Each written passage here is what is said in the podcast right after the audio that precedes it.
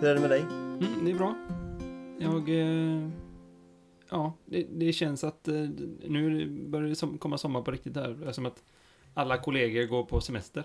Mm, förutom du då, eller? Mm, precis. Jaha, så det är då, så du känner att sommaren är här liksom? Ja.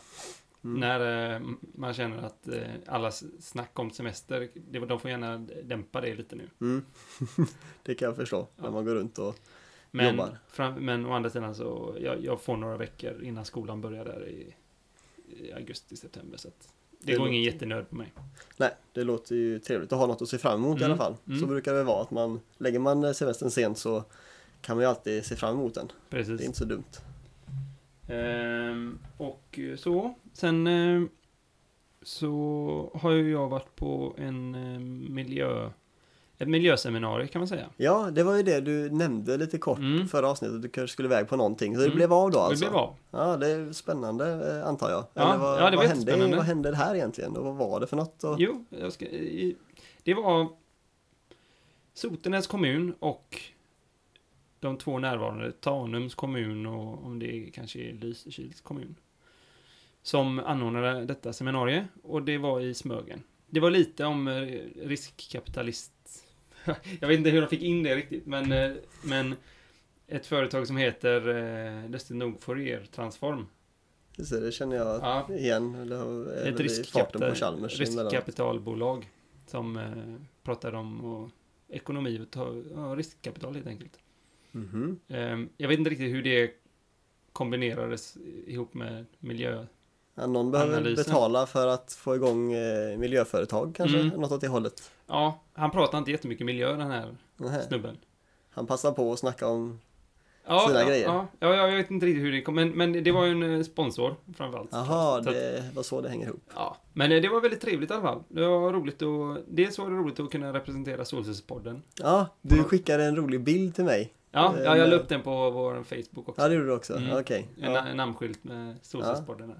Det var ju ett steg i utvecklingen för Solspodden att få vara med på en namnskylt och representeras på, Ah. Mm. en, på en tillställning. Mm, och framförallt att få prata, var, men vara där med likasinnade och prata miljö och säga att man är från Solcellspodden, det var roligt. Mm.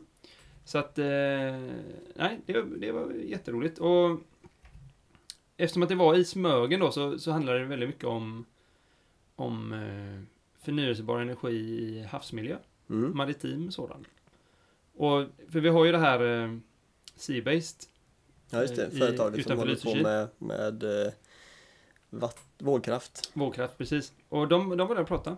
Mm. Jättespännande verkligen. De, de ska lägga en park nu på 10 megawatt utanför Smögen.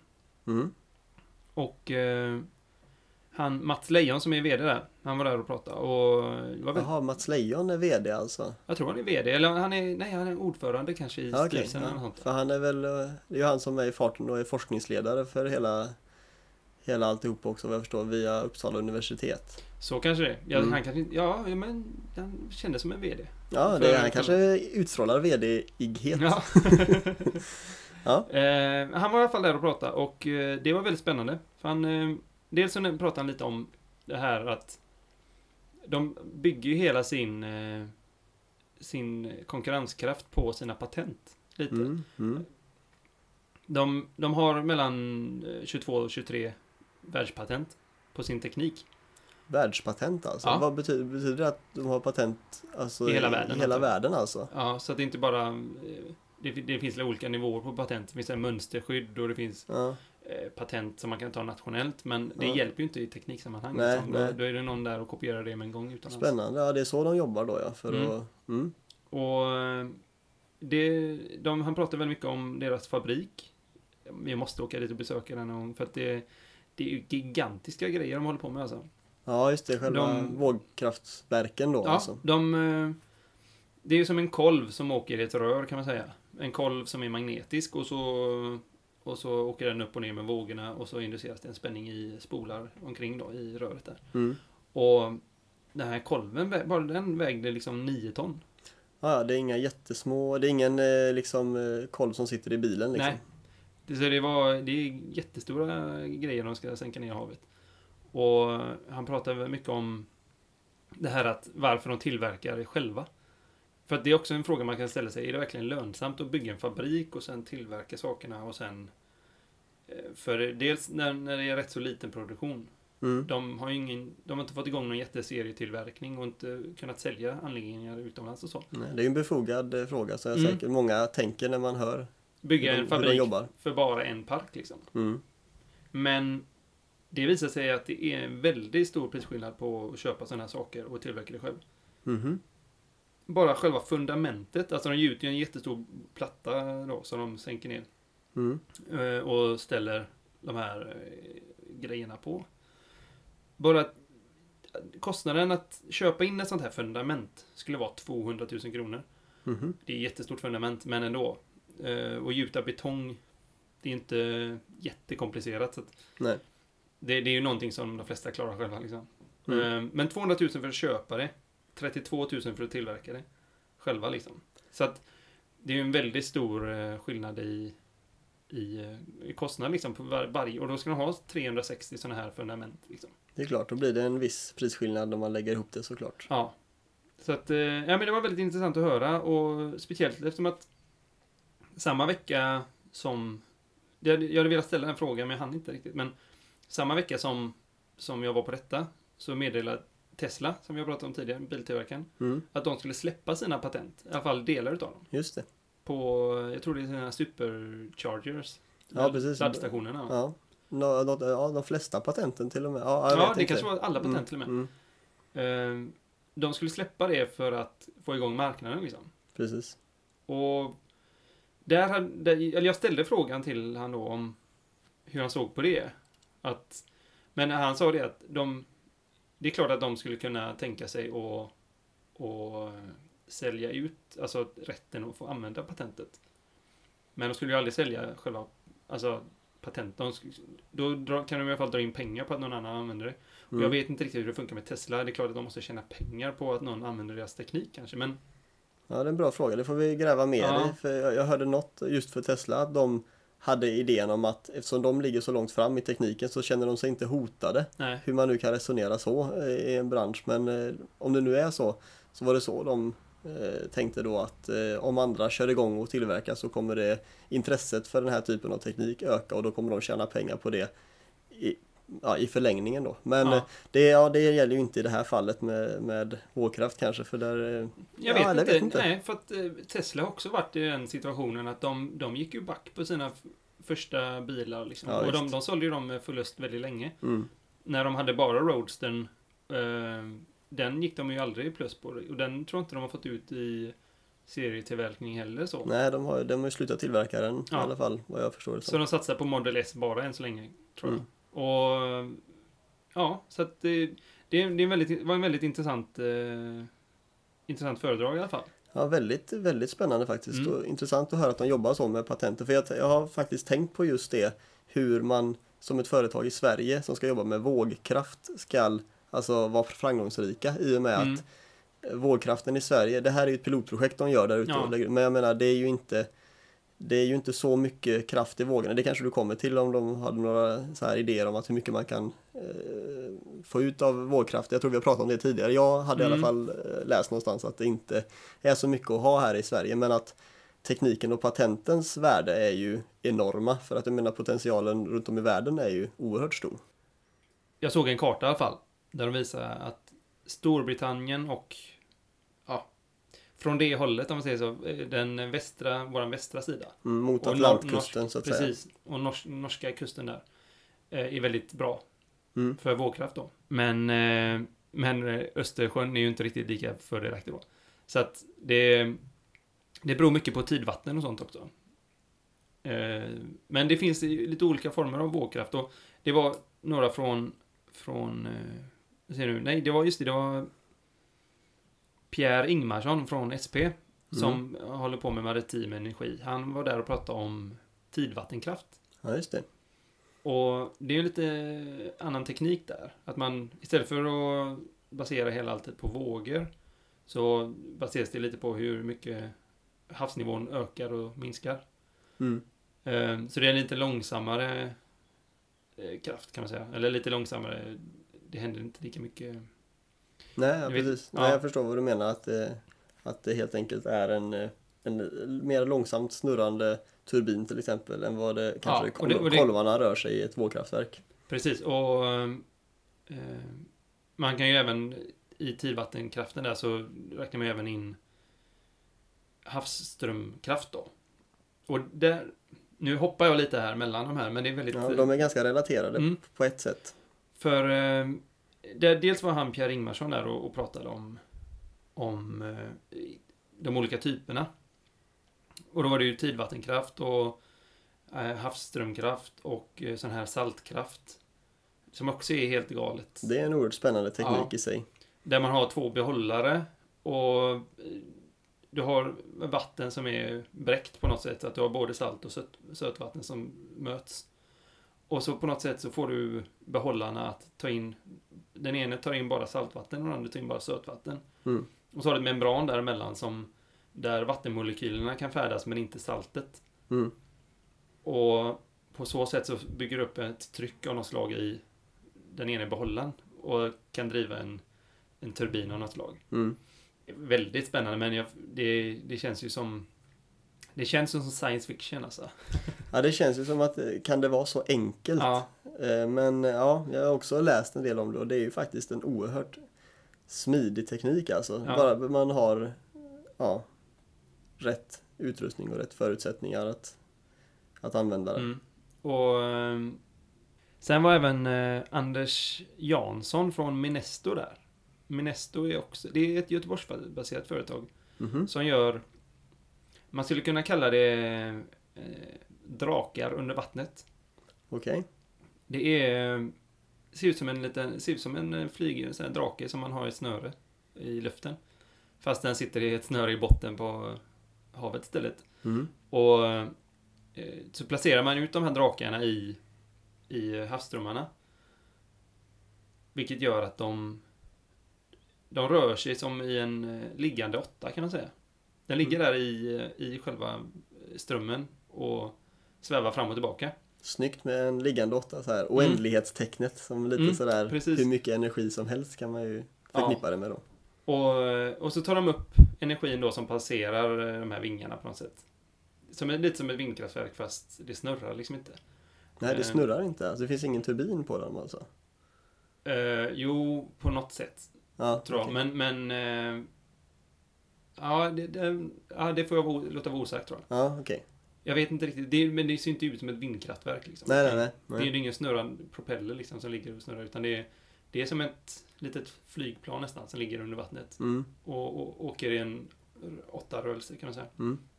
Den här åttan blir ju, eh, täcker ju av ungefär lika stor yta som, som, eh, ett, väldigt, ett, som ett större vindkraftverk. Ja, okej. Om man ser, du kan tänka dig de här två bollarna, eller två ringarna i åttan som eh, Ja, ja, ja. radien i ett vindkraftverk Mm, mm. Så att du täcker av en större yta än vad vindkraftverk gör. Jaha, så att de, de täcker alltså av den, den energi som finns Mm. i den strömningen som är innanför den här åttan då, Ja. ungefär. Det kan man säga. Det är spännande. Ja. Mm. Och eh, de... Eh, dels så, så blir fördelen med detta då jämfört med kanske till exempel vindkraft är att du får ut större energi per ton material. Eller per kilo material. Alltså menar du Alltså, material av den själva apparaten du använder? Precis, den, den, väg, alltså, den väger ju mycket mindre än vad vindkraftverk gör. Deras vikt kontra effekt är att de har ungefär 14 ton maskin jämfört 14 ton maskin per megawatt Ja, okej. Jämfört med ett vindkraftverk som har ungefär 300 ton per megawatt. Det är ju, man får ju tänka sig då ett vindkraftverk på en megawatt är ändå rätt så stort. Så. Ja. Eh, Även om det är ett litet vindkraftverk i förhållandevis så. Men Mm. får man tänka att det väger ungefär 300 ton då, en megawatt. Mm. Och så det, ja, det är massa materialkostnader som du sparar liksom. ja, just det. Då blir det lite extra miljövänligt. Mm, ja, Om precis. man nu ska säga Ja, så. och ekonomiskt framförallt. Ja, ekonomiskt såklart. Ja. Eh, sen får man ju se det också att du ska ha ner det här i havet. Ja, där kommer ju ytterligare en faktor. Så att, eh, men å andra sidan, eh, havsbaserad vindkraft behöver vi också få ut i havet. Mm. Eh, och då, han jämförde mycket med, med eh, de här, han visar en bild på en båt som ska, färd, som ska frakta ett vindkraftverk. Och så visar han en bild på deras båt som de hyr. Som ska frakta deras drakar då. Och det var ju liksom en jättetanker jämfört med en typ en mindre fiskebåt liksom. Mm. Så att eh, han sa det att material, eller eh, hyran av båten är ju också väldigt avgörande för kostnaden för projektet. Ja, det är klart. Kommer det en storm så, så att de inte kan åka ut så har de ändå hyrt båten. De blir inte av med den kostnaden liksom. Så att, eh, och även när man ska ut och serva saker och ting så, så får du också ha dyrare båtar liksom. Mm. Så att, ja, men det var väldigt spännande och det var roligt att det var lokal, lokala alla de här var ju lokala företag. Ja, det är väldigt spännande tycker jag. Ja. Det, det känns väldigt mycket lokal anknytning. Och Mm. det roliga, det, det, jag får flashbacks här från vårt, eh, kommer du ihåg det, vårt första år när vi läste så läste vi en grundkurs i förnybara energikällor. Ja, Och de här olika eh, källorna som du har tagit upp här är ju verkligen sådana som, som man tog upp där mm. i den kursen. De här olika sakerna. Drakar som flyger fram och tillbaks och kolvar som åker upp och ner och sånt. Mm. Det är roligt att det, att det sker i Sverige en utveckling av de här typen av tekniker alltså. Ja, det är jätteroligt. Och eh, det, det, var ju till och med, det här var ju till och med lokalt på den nivån att det var aktuellt i Bohuslän. Mm. Eh, visst, företagen, eh, alltså Minesto var Göteborgsbaserat och eh, Seabased är ju, kommer ju från Bohuslän. Och även om det är Uppsala universitet som har bekostat mycket av eh, projektet då. Så det, det, det är roligt att det var väldigt lokal anknytning i alla fall. Mm. Svenska företag framförallt då. Vad mer hände där? Eh, just det, Peter Kovacs, tror man säger. Mm. Från SP var ju där och pratade om solceller. Mm. Eh, och han har du träffat. Ja, det har jag träffat Mm. i lite sammanhang i Mm. med där jag jobbar. Ja, och han har också varit på Intersolarmässan som du Ja, precis. Där eh, pratade Ja. vi vid lite grann också. Eh, han pratade lite om solceller. Det var inte så mycket nytt där. Eh, för min del. Så. Det var nog många som tyckte... Det, var, alltså, det här med att prata solceller med folk är ju väldigt spännande för att eh, Speciellt när man kommer ut på sådana här ställen för då det är många som inte har så bra... Alltså som inte har koll alls liksom. Och det är ju roligt att få förklara fördelar och nackdelar och Mm. hur det funkar. Kanske lite så här på basic nivå. Att bara att få prata solceller med folk tycker jag är roligt. Mm. Så du, du hade lite dialoger alltså? Ja, jag med hade lite dialoger med, och- med lite kommunfolk och lite så här. Ehm, det var ju med lunch och så, då kan man sitta och prata över lunchen Mm. om dels om podd, eh, poddandet då, Mm. men även om eh, solceller och, och nästan så att jag skulle vilja så här, det, Vi kom in i diskussionen om, eh, om alltså, det var till och med en kvinna som frågade om jag visste någon bra som installerar solceller Mm. så här, för att eh, det var intressant vid deras sommarstugeområde, liksom, flera hus och sådär. Då kände jag att ah, det skulle jag göra. Mm. Så jag sa, du får komma, till, komma tillbaka om eh, några år. Mm. När du har När, när jag, gett dig ut i branschen. Ja, så löser jag det Ja. Vad sa hon då? på något sätt. Jo, men då jag tyckte det var roligt. Ja. Men eh, vi får se. Ja. Mm. Det var bara att det, det var en liten så här, jag kände att där hade jag ju nästan kunnat, bara för att lösa hennes situation så hade jag nästan startat ett företag där. Ja. Men eh, Men som vi sa i förra podden så har det ju dratt igång en hel del företag i branschen inom eh, senaste tiden här, senaste Precis. året. Så att eh, det, är ja, ingen brist på installatörer. Nej, det är det inte. Sen så eh, är ju de olika, har olika mycket erfarenhet och olika stora såklart. Mm. Men det, ja nej, det, det händer grejer. Mm. Jag, jag ställde frågan till han Peter Kovacs om eh, hur, hur han såg på det här med nettodebiteringen. För han sa, han, han, under sitt föredrag där så sa han att han var fruktansvärt trött på alliansregeringens energipolitik och framförallt på hela nettodebteringshistorien. Mm. Och, eh, så jag, jag frågade liksom hur, hur... Dels så frågade jag lite hur...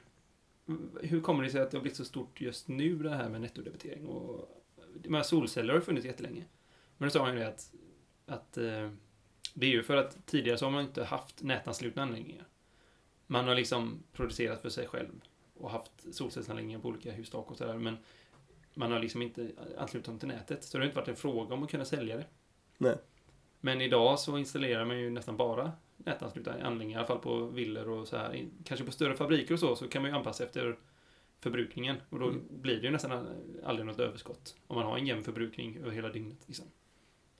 Ehm, men... Ehm, nej, och då eh, pratade vi lite om det och så sa han att... Ja, han... Eh, oavsett om det blir nettodebitering eller inte. Så... Han, han sa att han, han, han är för trött på frågan. Liksom. Eller på, på just diskutera det och eh, så här. Så att han... Han sa att han, han skiter i det. Nu kör han på liksom som vanligt. Och så får det bli nettodebitering eller inte. Och det var lite befriande tycker jag att... Dels så... Alltid när man kommer in i den här diskussionen så blir det liksom, man kommer ingen vart. För att det, det känns som att det inte händer någonting. Nu får vi se till hösten här när, om det blir ett regeringsskifte, så, Mm. så kan det ju hända hur mycket som helst på den här frågan. Mm. Men de hade ju haft en debatt i, jag tror det var den sista debatten i riksdagen innan sommaren här nu, för de har ju sommaruppehåll.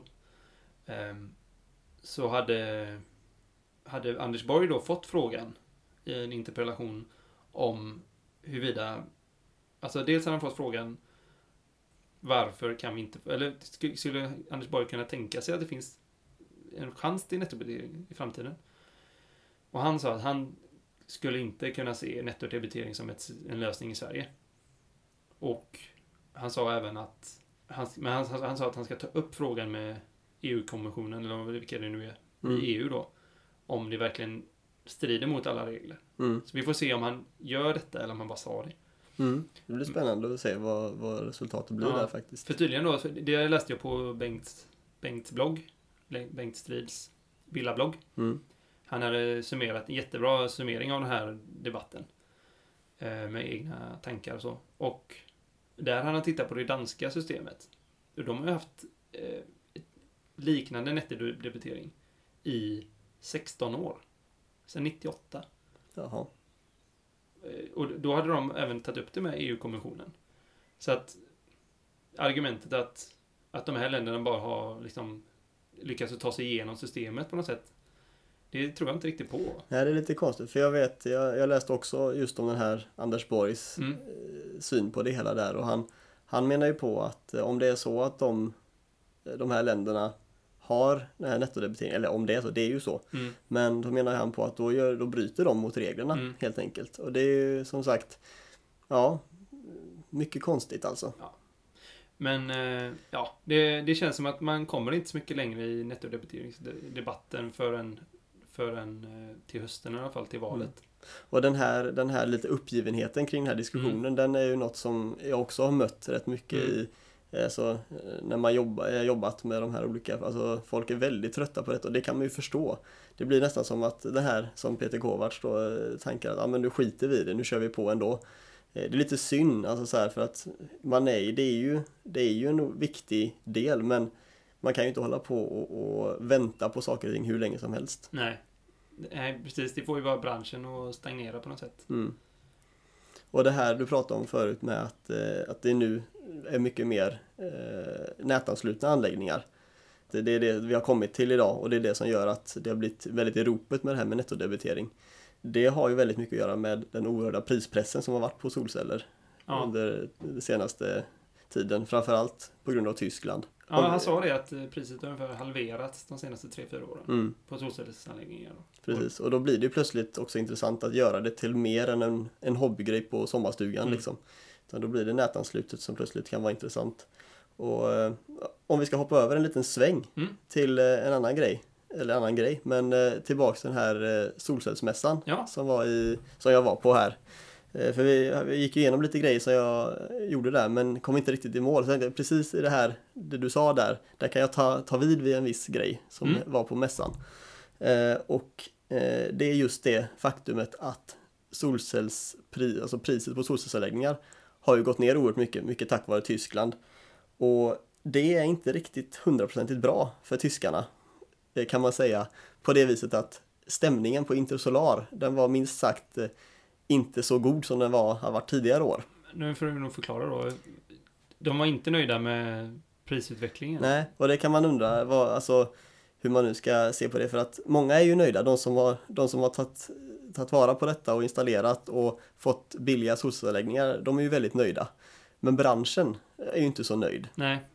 Eh, och det kan vi förstå för att deras marginaler har ju såklart sjunkit i och med att anläggningarna har sjunkit i pris då. Eh, och man kan säga att eh, det är många av de här företagen som håller på med solceller i Tyskland har blivit utslagna, alltså helt enkelt gått i konkurs. Och många har fått banta ner sina personalstyrkor väldigt kraftigt. Eh, och det här beror ju på just den här oerhört snabba utvecklingen av eh, oerhört snabba utvecklingen av eh, sol, solanläggningsutbyggnaden eh, och sen att det bara plötsligt blir stopp Mm. för att priserna går ner så fort. För branschens del så har den här prissänkningen skett alldeles för snabbt och det har gjort i kombination med att subventionerna för sol, solinstallationer i Tyskland har dragits ner väldigt kraftigt eh, på ganska kort tid. Så det blir som, som en dubbel effekt som gör att, att eh, det här alltså i till exempel de här montrarna man gick un- runt och tittade på så var det på kvällarna var det oftast lite festligheter och sånt för man skulle locka lite köpare och sådana saker. Men de här festerna, de var man tvungen att, eller var tvungen, men man eh, sedan förra året, nu var ju inte jag där förra året, men jag Mm. förstod det att eh, det blev mycket mer milda fester om man säger så. Alltså det, man fick inte festa lika hårt och man fick inte bjuda på lika mycket öl och det fick inte vara eh, Alltså det skulle helt enkelt inte sticka i ögonen på dessa personer som man då har sparkat från företaget. Det var inte oktoberfest igen liksom. Inte riktigt så nej. Så att, eh, och sen så en ytterligare faktor som man kan ta in var att alltså mängden eh, så mässhallar som var öppna för Intersolar var eh, förra gången betydligt fler. Jag tror det var 12 stycken mässhallar eh, sist medan nu var det då 6-7 mässhallar. Jag är inte säker på siffrorna men något sånt där. Eh, så att eh, man kan säga att och sen så finns det ytterligare lite faktorer. Det är att det har börjat bli snack i Tyskland. Har lagt fram förslag på nya skatteregler som gör det mindre fördelaktigt för solceller eh, i Tyskland. Mm. De har nästan gått åt, åt andra hållet. Alltså de, istället för att vara fördelaktiga så är de till en eh, nackdel om man ska säga för solceller. Precis. Att, Höga skatter och ja, skatter på det som man producerar och Mm. Och man kan säga det, det är väl lite, kan man säga, lite av en motreaktion på att det har gått så oerhört snabbt fram i marknaden. Alltså för, för den enskilde konsumenten och som köper en solcellsanläggning är ju utvecklingen väldigt bra. Alltså det är ju bara positivt. Men för branschen är det inte lika positivt och man kan väl säga något slags lärdom man kan ta från, från Tyskland i det här läget skulle jag vilja se. Eller skulle jag vilja säga är att man kanske inte ska gå allt för snabbt fram med hur fördelaktiga eh, hur fördelaktigt man ska göra det för solcellsbranschen eh, i och med att priserna har stuckit ner så snabbt så det i sig är ju en stor fördel. Men med det sagt så är det inte så att jag är emot någon nettodebitering, vilket man kanske kan tro om man säger så. Eh, För här får man skilja väldigt mycket på vilken typ av subventioner som Mm. har skett i Tyskland jämfört med eventuell nettodebitering som skulle kunna införas i Sverige. Och en nettodebitering kan man säga det är peanuts i sammanhanget jämfört med de subventioner som, som Tyskland har gjort för solenergin. Så att nettodebitering är fortfarande inte att gå för snabbt fram i Sverige. Nej. Och det är ju även, alltså i Sverige hade vi ju väldigt höga subventioner också i början. Vi hade ju 60% från början. Inte, eller Ja. är det fortfarande? Nej. Nej, nu är det nere på 35. Precis. Så att det är också en väldigt stor skillnad. Alltså från början, att jag tycker inte det är rätt att subventionera 60% av investeringskostnaden Nej. idag. Det kanske var det då, men, men det är fortfarande... eh, På något sätt så måste ju tekniken kunna stå på egna ben. Och att, att betala så pass höga subventioner, det är, det är att eh, sparka undan benen på, på branschen. Precis, för man vill ju det som man vill nå, alltså om man tänker långsiktigt, så om man vill verkligen ha mycket solceller så, så är den här, som i alla branscher egentligen, den här lagom växande kurvan. Mm. Det helst lite linjär och kanske pyttelite exponentiell om man nu ska prata eh, matematiska termer, men att den bara sticker iväg helt exponentiellt och bara rusar, då är det ju inte långt bort att det blir en dipp och en krasch. Mm. Eh, vilket det har varit i Tyskland. Så att eh, många av dem jag pratade med där som är oerhörda solcellsentusiaster, de sa att eh, se till att inte Sverige hamnar i samma situation. För det, det blir ju också en, en mindre trovärdighet för branschen som sådan om de här typen av snabba ökningar och fall sker. Då vågar inte investerare heller gå in och, och satsa pengar på en sån här bransch. Så att det ska växa ordentligt men inte för mycket. Nej. Jag hörde någon som sa att tyskarna har liksom subventionerat för hela Europa. Att de, de har subventionerat så att branschen har kommit igång. Så att det är väldigt positivt för oss, det som de har gjort. Precis, Men inte för dem själva liksom. precis. Så, är- så är det faktiskt. Ja. Alltså, det, det är oerhörd nytta för alla länder som inte behöver ta den här baksmällan av, av deras, eh, deras subventioner. Då. Mm. Och på det temat så kan man lägga till att jag, jag kollade upp faktiskt att eh, ett genomsnittligt tyskt hushåll betalar ungefär 2000 kronor per år för subventionerna av eh, vind och sol. Oj. Eh, och i, det, i deras elavgift kan man säga då Mm. blir det då som eh, Är det man har höga, räknat ut. har de höga elpriser då? eller? De har höga elpriser, Ja. precis. Så det är där det ligger då. Eh, så att, eh, och det beror ju då på de här rejäla subventionerna. Mm. Eh, Så att, ja, alltså om det är högt eller lågt beroende på vilket pris man vill betala, men i alla fall i den aspekten att man inte vill boosta en marknad för mycket för att den ska falla, eh, så kanske man ska köra lite långsammare. Men eh, som sagt, nu jag, låter, jag känner att jag vill inte låta negativ, för jag är Nej. inte negativ till, till utbyggnaden av solenergi. Jag vill bara att det ska verkligen på riktigt vara långsiktigt. Ja. Jag hade en, en liten rolig grej till med eh, det här Smögen-seminariet jag var på. Mm. Det var en representant för ett nytt stort biogasprojekt i Sotenäs. Mhm. Eh, som, han heter Bengt Gunnarsson och eh, kommer från Rena Hav heter, jag antar att det är ett företag eller en organisation. De, de har ju en väldigt stor fiskeindustri där. I, i hela, egentligen hela Bohuskusten är ju stor fi- fiskeindustri, men i Smögen har de ju Abbas eh, sån här fabrik där de tar in fi- rå, råfisk och så just, ja, sil, Mm. sillburkar utav det. Mm. Ja, precis. Men eh, Abbas fabrik ligger där i alla fall och så ligger en till bredvid. Och eh, de har haft väldigt stora problem med med eh, att de har väldigt höga kostnader för sin avlopps... Så här, sin, sin, de har väldigt stora avloppskostnader. För att det kommer, det blir väldigt mycket, det blir väldigt mycket fiskrens. Det, vilket man förstår. Om Mm. man någon gång har eh, rensat en fisk så fattar man hur mycket gös det är där i liksom. Mm. Och hur lite fisk man får ut Mm. utav det. Men, eh, men de har väldigt höga kostnader i alla fall på, på det här. Och eh, väldigt stora miljö... Det är en väldigt stor miljöansträngning. Just eh, reningsverket klarar inte av att, att ta hand om allt. Så att kommunen får ju egentligen bygga ut sina reningsverk om industrin ska växa.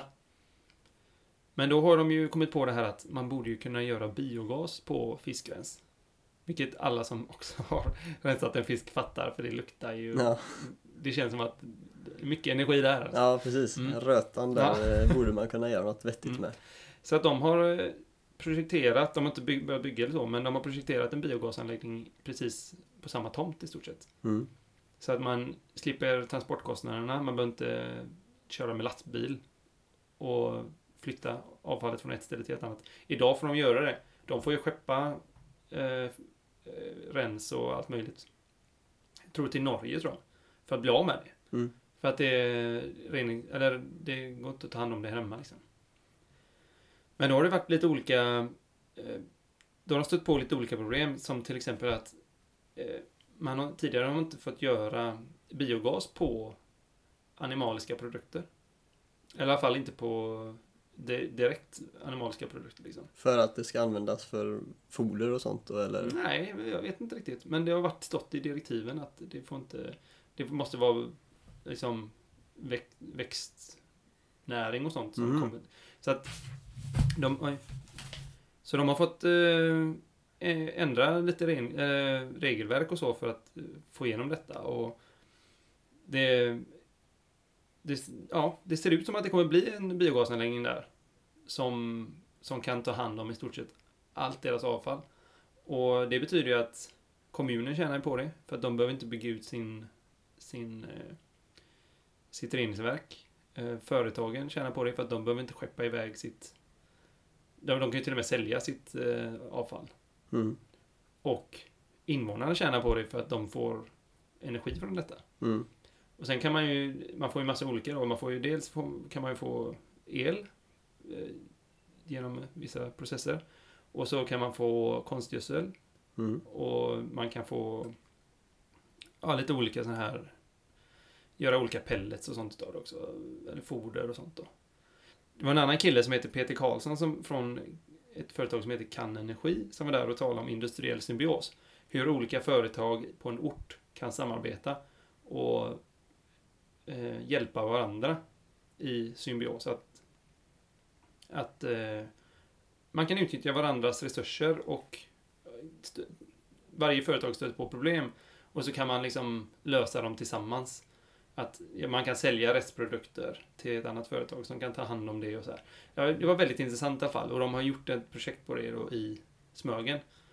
På kolla på hur den här industriella symbiosen kan funka Mhm. mellan olika företag och olika, de boende och så.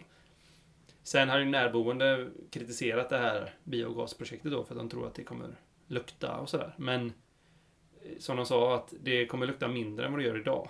För idag så måste de ta om hand om det här fiskrenset och allting på ja, men på eh, lasta över och allt det här och sånt till lastbilar och så.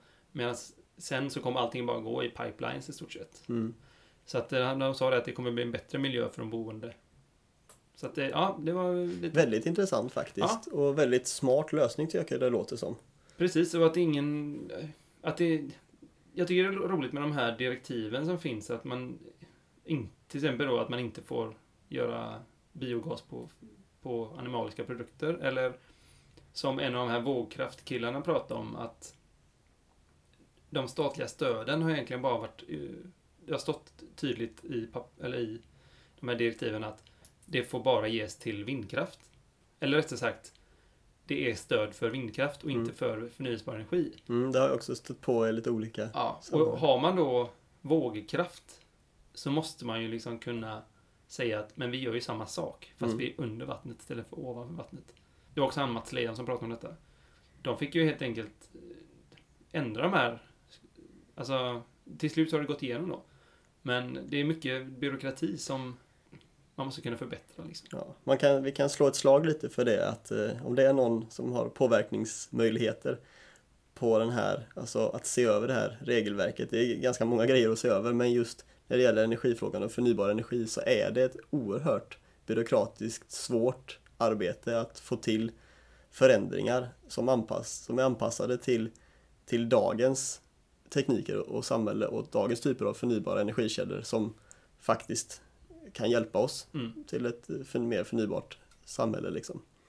Det är väldigt synd att det, att det är så, men det grundar sig i att det inte funnits tidigare så att man kan förstå det men man får ju vara lite lyhörd här för att faktiskt jobba på att ta fram det här nya regelverket liksom. Mm. Så att man gör det lättare för folk att, att starta egna, att bli mikroproducenter helt enkelt. Ja, Oavsett om det är på minsta möjliga nivå att man sätter solceller på taket eller att man, eh, till exempel att man får, eh, som, en, som vi pratade om i förra avsnittet, att man som hyresrättsinnehavare skulle kunna gå in och investera i solceller och få till exempel nettodebitering på det då och sånt. mm. Ja.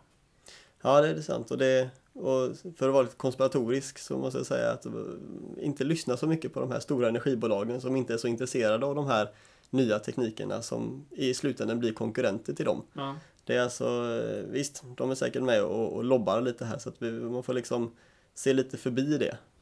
Faktiskt apropå det så var Fortum där också på det här seminariet. mm. Eh, och Det ska jag flika in med att Fortum tycker jag dock, de har en ganska bra inställning till förnybar energi. Men de är ju fortfarande intresserade av att gå med vinst. Ja, det var ju då Göran Hult från Fortum som var där och pratade. Och han, han, eh, han pratade om det här med att knyta upp transmissionsnäten till Europa. Eh, och även lite så här, ja men han, han var lite petig i alla teknikerna. Lite i, i vätgas som lagring, eh, som energilagringsmetod och, och lite om kärnkraft som han, alltså han, han tror inte på ny kärnkraft, men jag kollar ändå, han har ändå varit Fortums kärnkraftsansvarig på något sätt. Så att, men eh, det var i alla fall ett, sto- ett stort energibolag med där eh, i diskussionerna. Så det är ju viktigt. Mm. Jag skulle vilja passa på att slå ett slag för Fortum, att de i Almedalen hade, hade någon båt, jag kommer inte ihåg vad den hette, Mhm. men där de, eh, där de hade bjudit in Özz Nöjen att hålla sitt, eh, sitt program om, eller det här ståuppkomedi Ja. om, om, vad heter det nu? President? Nej, Snödjen som Stats- president? statsminister. Statsminister, så Mm. var det. Eh, ja, det tycker jag var bra Jaha. i allmänhet. Så alltså så här att de, att de eh, så här, och det var precis eh, under Jimmy Åkessons tal tror jag det var. Ja, ja, och ja, han hade faktiskt, Snödjen hade ju flest lyssnare av alla talare i hela Almedalen. Mm. Det är ju roligt Ja. att det är en komiker som får flest, mest lyssnare. Liksom. Mm. Och jag tycker som sagt ett slag för att det var Fortum som hade Mm. då, jag vet inte om han hade, men jag tror de, de hade bjudit in för det var på deras så att säga event eller båt som de Ja, var. okej. Så det var lite nytänkande Mm. tycker jag. Ska vi ta det här med Almedalen lite?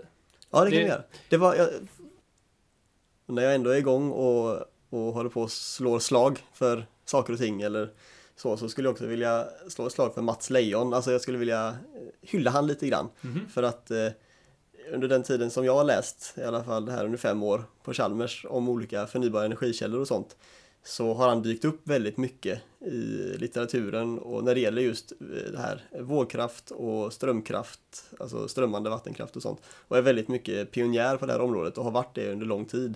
Så att eh, jag tycker det, ja, han är värd en liten eloge för att han ligger i på det här. Mm. Visst, han gör företag och sånt runt och han är väl inte, kanske inte den som inte vill tjäna pengar på det heller. Men det är fortfarande oerhört bra jobbat att liksom driva så mycket som man gör kring det här. Och det är bra för framtiden. Ja, nej, han var väldigt inspirerande att lyssna på. Måste Mm. säga. Eh, om vi ska återgå till Almedalen. Ja. Eh, egentligen så tycker jag inte, nu, nu har vi inte hört alla talare än. Jag har lyssnat på alla hittills. Eh, det är lördag idag, så att idag är det... Ja, du har lyckats höra varenda Nej, alltså tal. partiledartalen. Ja, lite. Ja. Ja. men det är bra Eh, jobbat. Idag är det ju... Det är klart, du är ju politiker nu. Ja. Eh, Passiv sådan än så länge. Passiv sådan. Men eh, jag, jag, ja, jag har faktiskt eh, i alla fall varit i kontakt med kommunpolitikerna, eller Miljöpartiet här. Ja, vad roligt. Så att de ska skicka ut information när nästa möte. Mm. Men i alla fall. Eh, idag är det Folkpartiet. Eh, och imorgon tror jag det är Centern. Eh, så att det är de två kvar. Men än så länge så måste jag ju säga att det har varit väldigt fattigt på energipolitik alltså. I partiledartalen. Sen vet jag att det är hundratals seminarier runt omkring och många debatter och självklart så är det ju energifrågor och sånt också som diskuteras men som inte kommer fram i de stora medierna om man säger så. Men i talen så tycker jag det har varit ja, det har varit förvånansvärt faktiskt förvånansvärt lite energiprat. Um, Miljöpartiet hade ju självklart lite um, men, de, men Åsa Romson som höll deras tal uh, fokuserade mer på feministfrågan som jag också tycker är fruktansvärt viktig. Så att det är inte då, utan Uh, men det var liksom, det, det känns som att det är lite back to basic i, uh, alltså när de, när de väl får, får hålla sina egna tal och stå för sitt parti om man säger så jämfört med det här med blockpolitiken, allting blir väldigt utsmetat och intetsägande. Så, så vill nog de flesta partierna eh, peka ut sina värdegrunder liksom. Och speciellt eftersom att Svenskarnas parti, som är ett eh, faktiskt nazistiskt parti, eh, har också varit där och talat så, så måste ju alla göra någon motreaktion på detta. Så jag förstår att energifrågan kanske kommer i andra hand då.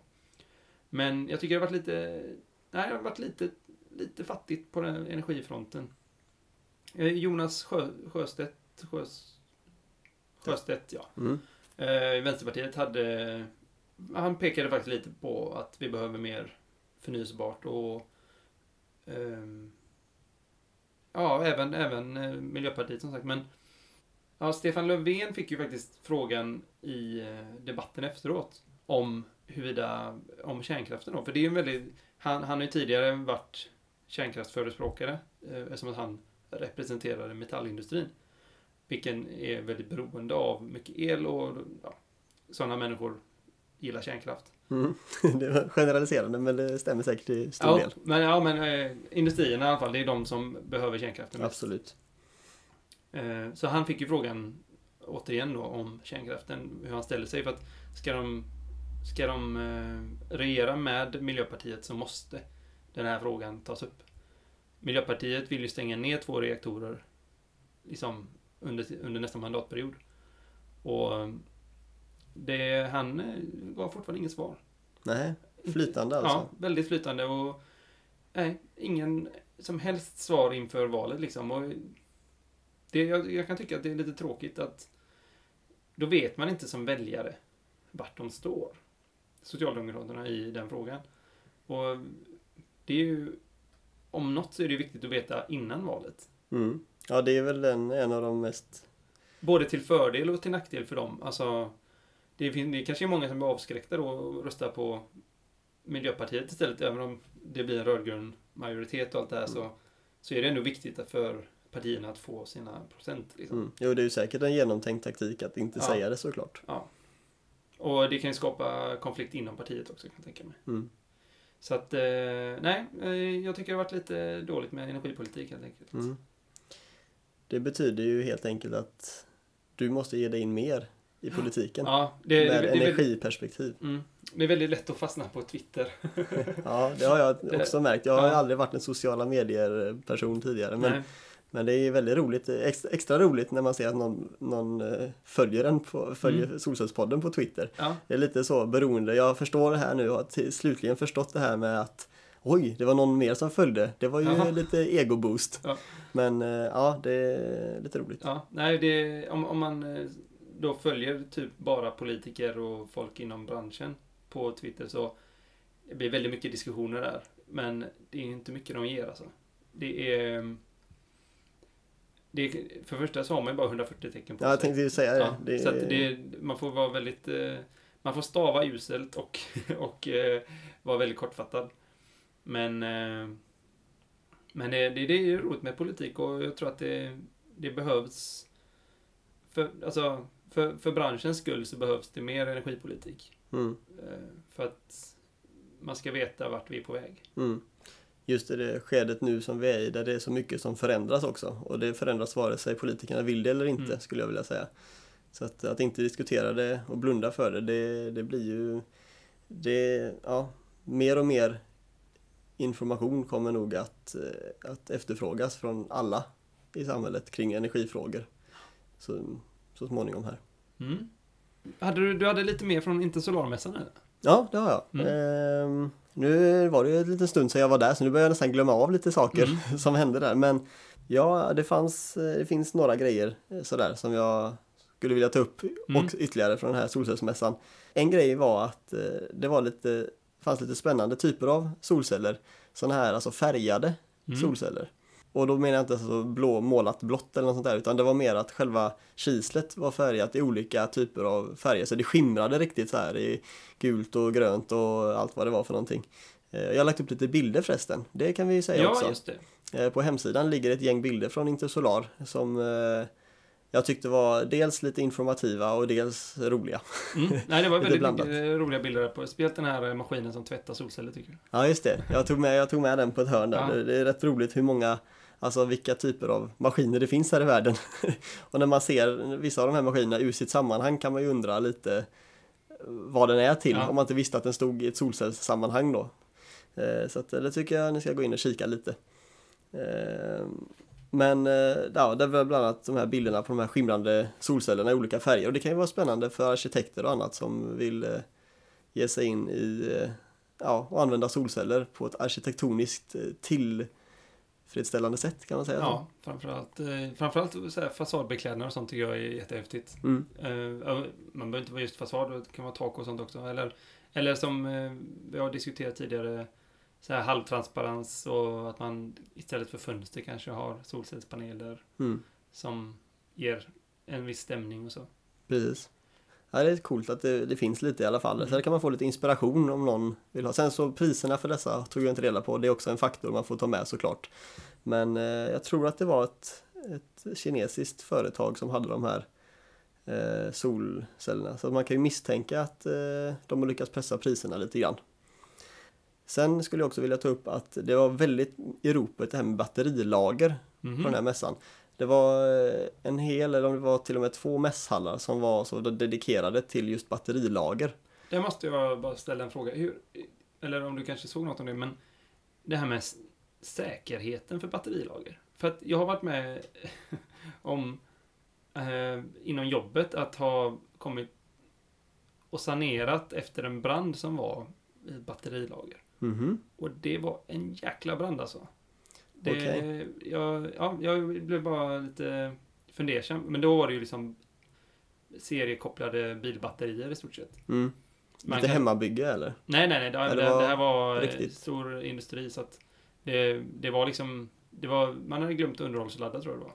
Mm. Och det liksom, det sprutade eh, så här batterivätska och det, ja, det var liksom, allt var förkolnat där inne. Gisses, ja det var ingen... Det var bara en inf- inflik. Ja, inget bra betyg för batterilager eh, som, som sådant, att, att det kan hända sådana här saker. Ja, jag vet inte, men jag, jag kan tänka mig att säkerheten kanske är annorlunda om det är beroende på vilken teknik man använder. Ja, det är det ju säkert. Jag har faktiskt dålig koll på, Mm. på de här grejerna. Vissa batteritekniker som du säger är ju säkert mer säkra än andra. Ja. Och det får man ju då ta med sig att det får man ha. Vad var det de hade på mässan här då? Ja, de hade, de hade alla möjliga. Framförallt så var det mycket så att de sålde alltså färdiga, alltså större burkar som såg ut som kylskåp ungefär. Där alltså batterilagret eh, var integrerat med alltså en smart styrenhet och sådär vidare. Så att, så att du inte behöver liksom fundera på att köpa batterier för sig och eh, liksom styrenhet för sig och loggning för sig för en solcellsanläggning då. Utan man köper ett färdigt paket eh, och eh, de såg ju väldigt enkla och smidiga ut att använda. Så att, och grejen är så här att i Tyskland just så, på grund av det vi pratade om förut, att, eh, att det är lite så här, inte lika bra regler på gång kanske för utmatning av el på nätet och subventionerna är borta för utmatad el och sånt. Just därför så har ju den här batterilagringen eh, kommit väldigt i ropet. För att det är ju plötsligt en mycket mer intressant eh, lösning ekonomiskt. Och det gör också att priserna på de här batterilagerlösningarna har också börjat sjunka. De är inte så jättelåga än så det är liksom väldigt på gränsen om det är värt det. Men många av dem jag pratade med som levererade de här och tillverkade då menade på att de inom ja, två, två, tre år kanske såg att det definitivt kommer vara batterilager som säljs till de flesta solcellsanläggningarna som installeras i villor och sånt i Tyskland. Och det låter ju väldigt spännande för då kommer man plötsligt ifrån det här inmatningsproblemet om det inte är så att det då börjar läggas en skatt på el som man producerar själv och som man själv använder inom hushållet. För där är ju fortfarande ett problem då. Då blir det ytterligare regler kring Ja. huruvida det lagras i batteriet och inte och så vidare. Men Det Men- måste ju vara jätte... Det går, kan ju inte finnas en möjlighet att lagstifta om det som att det är så lokalt så att det... det kan man ju tycka. Ja. Och jag, det, Samtidigt det, det, så fanns det ju eh, förslag på det i Spanien tror jag va? Ja. Det är ju diskuterat också. Att eh, de ville i stort sett förbjuda batterilagring eller beskatta det eller något sånt. precis. Så att det, ja, det är mycket konstigare och man undrar ju vem det är som sitter och funderar Mm. ibland alltså. Eh, så att det är... Och på tal om det här med förresten brand och batterilager så jag läste i Ny Teknik, nej ja det var, nej inte Ny Teknik, det var någon annan tidning eh, där det stod så här solcellsanläggning orsakar brand. Eh, stod det. Jaha. Alltså det och är väldigt farligt i Tyskland just. Eh, men så läste jag artikeln och då var det just batterilager som hade orsakat branden. Mm. Eh, Så att, eh, ja, jag vet inte varför man ville vinkla det till att faktiskt få att det är solcellsanläggningen som är det farliga, för det var inte det som var fallet. Utan det var batterilagret då. Så Ja. att, så att, men uppenbarligen finns det ett problem med de här batterilagren och det är ju en, alltså, Jag, jag tror det kan bero på vilken teknik man använder. Ja. För att eh, alla som har... Eh, alltså, man ska inte lämna stora bilbatterilager så att säga obevakade och framförallt inte eh, eh, inte ha underhållsladdning på dem. Nej. För jag vet inte, jag kan inte tekniken alls men eh, men eh, ja, jag har ju sett, jag har sett med egna ögon vad som Mm. kan hända och ja, det är ingen rolig historia. nej. Där får man, eh, då, då lägger vi, ligger vi ut en liten note om att eh, alla ingenjörer som håller på med batterilager får ni jobba på lite och säkra upp detta Mm. så att vi kan ha I mer alla fall så att man vet om solceller. det är, hur säkert det är.